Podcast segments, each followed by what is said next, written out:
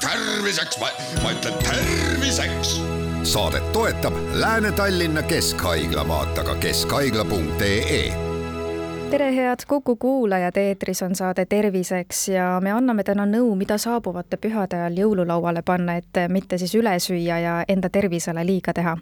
mina olen Ingela Virkus ja koos minuga on stuudios Lääne-Tallinna Keskhaigla toitumisnõustaja ja toitumisterapeut Külli Holsting, tere! ja tervist!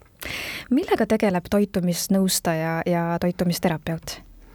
Eks ikka selle hea nõu andmisega. Ehk et kuidas siis paremini ja tervislikumalt oma toidulauda kokku panna. Ja toitumisnõustaja tegeleb siis enamasti tervete inimestega. Et nad on saanud ka pisut lühema koolituse ja toitumisterapeut siis võib nõustada ka neid inimesi, kellel on terviseprobleeme või on nendest taastumas. Ja on saanud loomulikult ka pikema koolituse. Ja antakse välja siis riiklikud kutset nii toitumisnõustajale kui ka toitumisterapeudile kas vastu pühi küsitakse ka teie käest palju nõu selle kohta, et mida jõuludel siis lauale panna, et mitte üle süüa ja et see kõik ikka oleks tervislik ja ja kaal säiliks ja oleks enesetunne hea?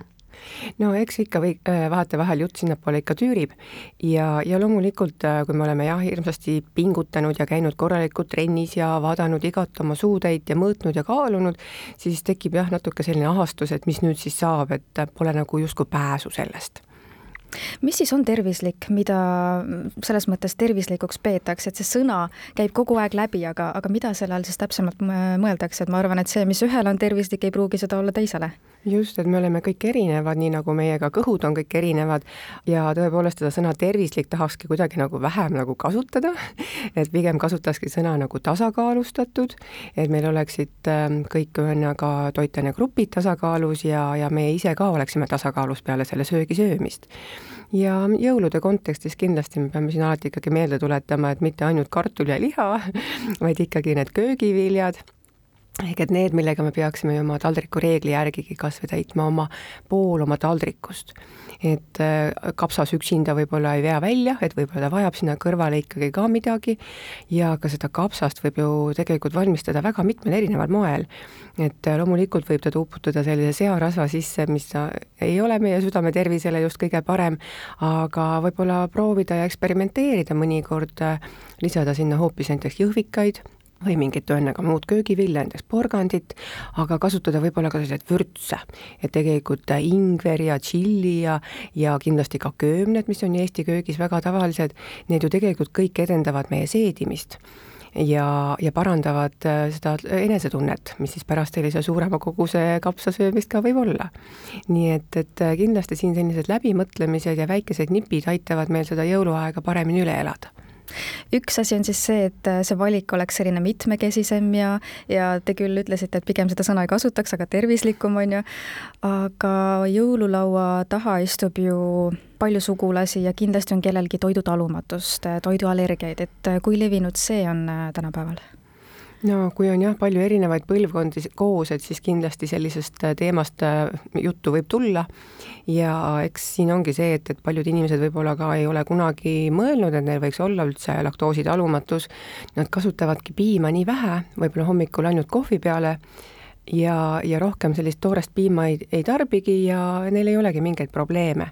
või siis, kui vahetevahel harva söövadki midagi, siis lähebki kõht lahti ja mõtlevad, et noh, võib-olla oli midagi muud veel nii et äh, eks siin ongi jah, et mida nooremad inimesed, seda rohkem võib-olla pööratakse ka tähelepanu sellistele asjadele, kuna teadlikkus on suurem, testitakse rohkem ja tänu sellele ka diagnoositakse rohkem.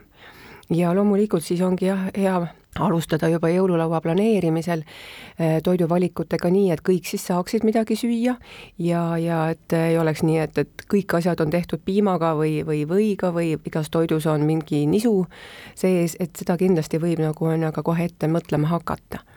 Ja eks selle nisuga ongi see, et igal juhul me võiksimegi seda natuke vähem süüa ja proovidagi siis vähemalt kasutada alati täisteranisu, mis on siis kiudene-rikkam, aitab juba meie seedimist ka jällegi parandada, nii et jällegi kui me teeme ühe väikese valiku, saame kohe mitu head kasutegurit juurde mis vahe siis on aga toiduallergial ja toidutalumatusel, et kuidas inimene sellest ise äh, aru võiks saada näiteks mm? -hmm. et allergiareaktsioon tavaliselt tulebki hästi kiiresti. ehk et noh, kiiresti on selles mõttes ka kuni kaheteist tunni jooksul.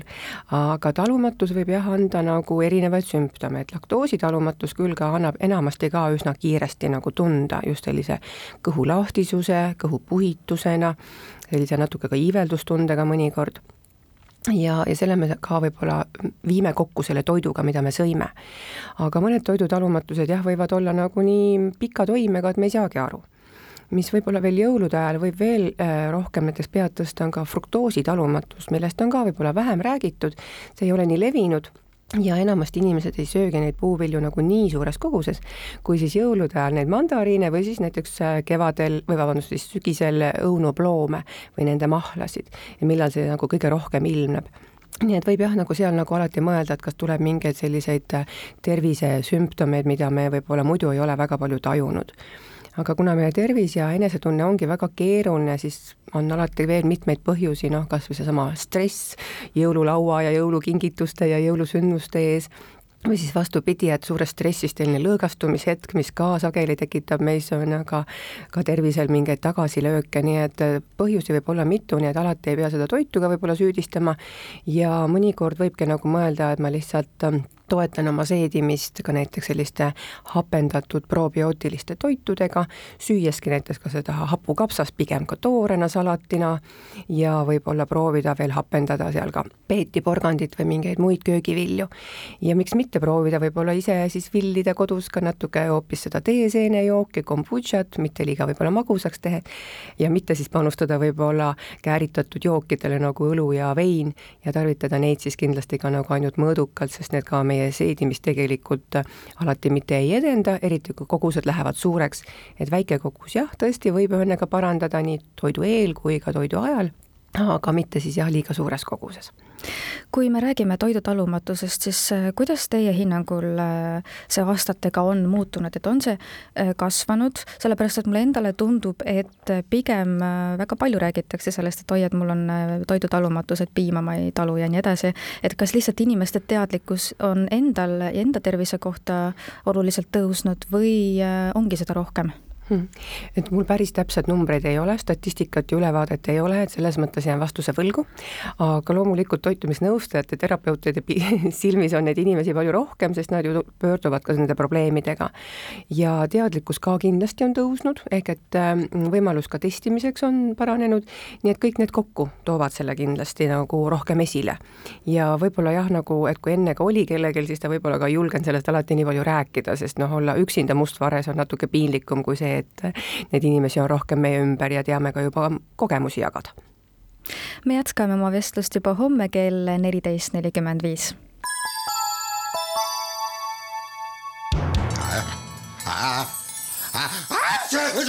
terviseks, ma ütlen terviseks. saadet toetab Lääne-Tallinna Keskhaigla, vaata ka keskhaigla.ee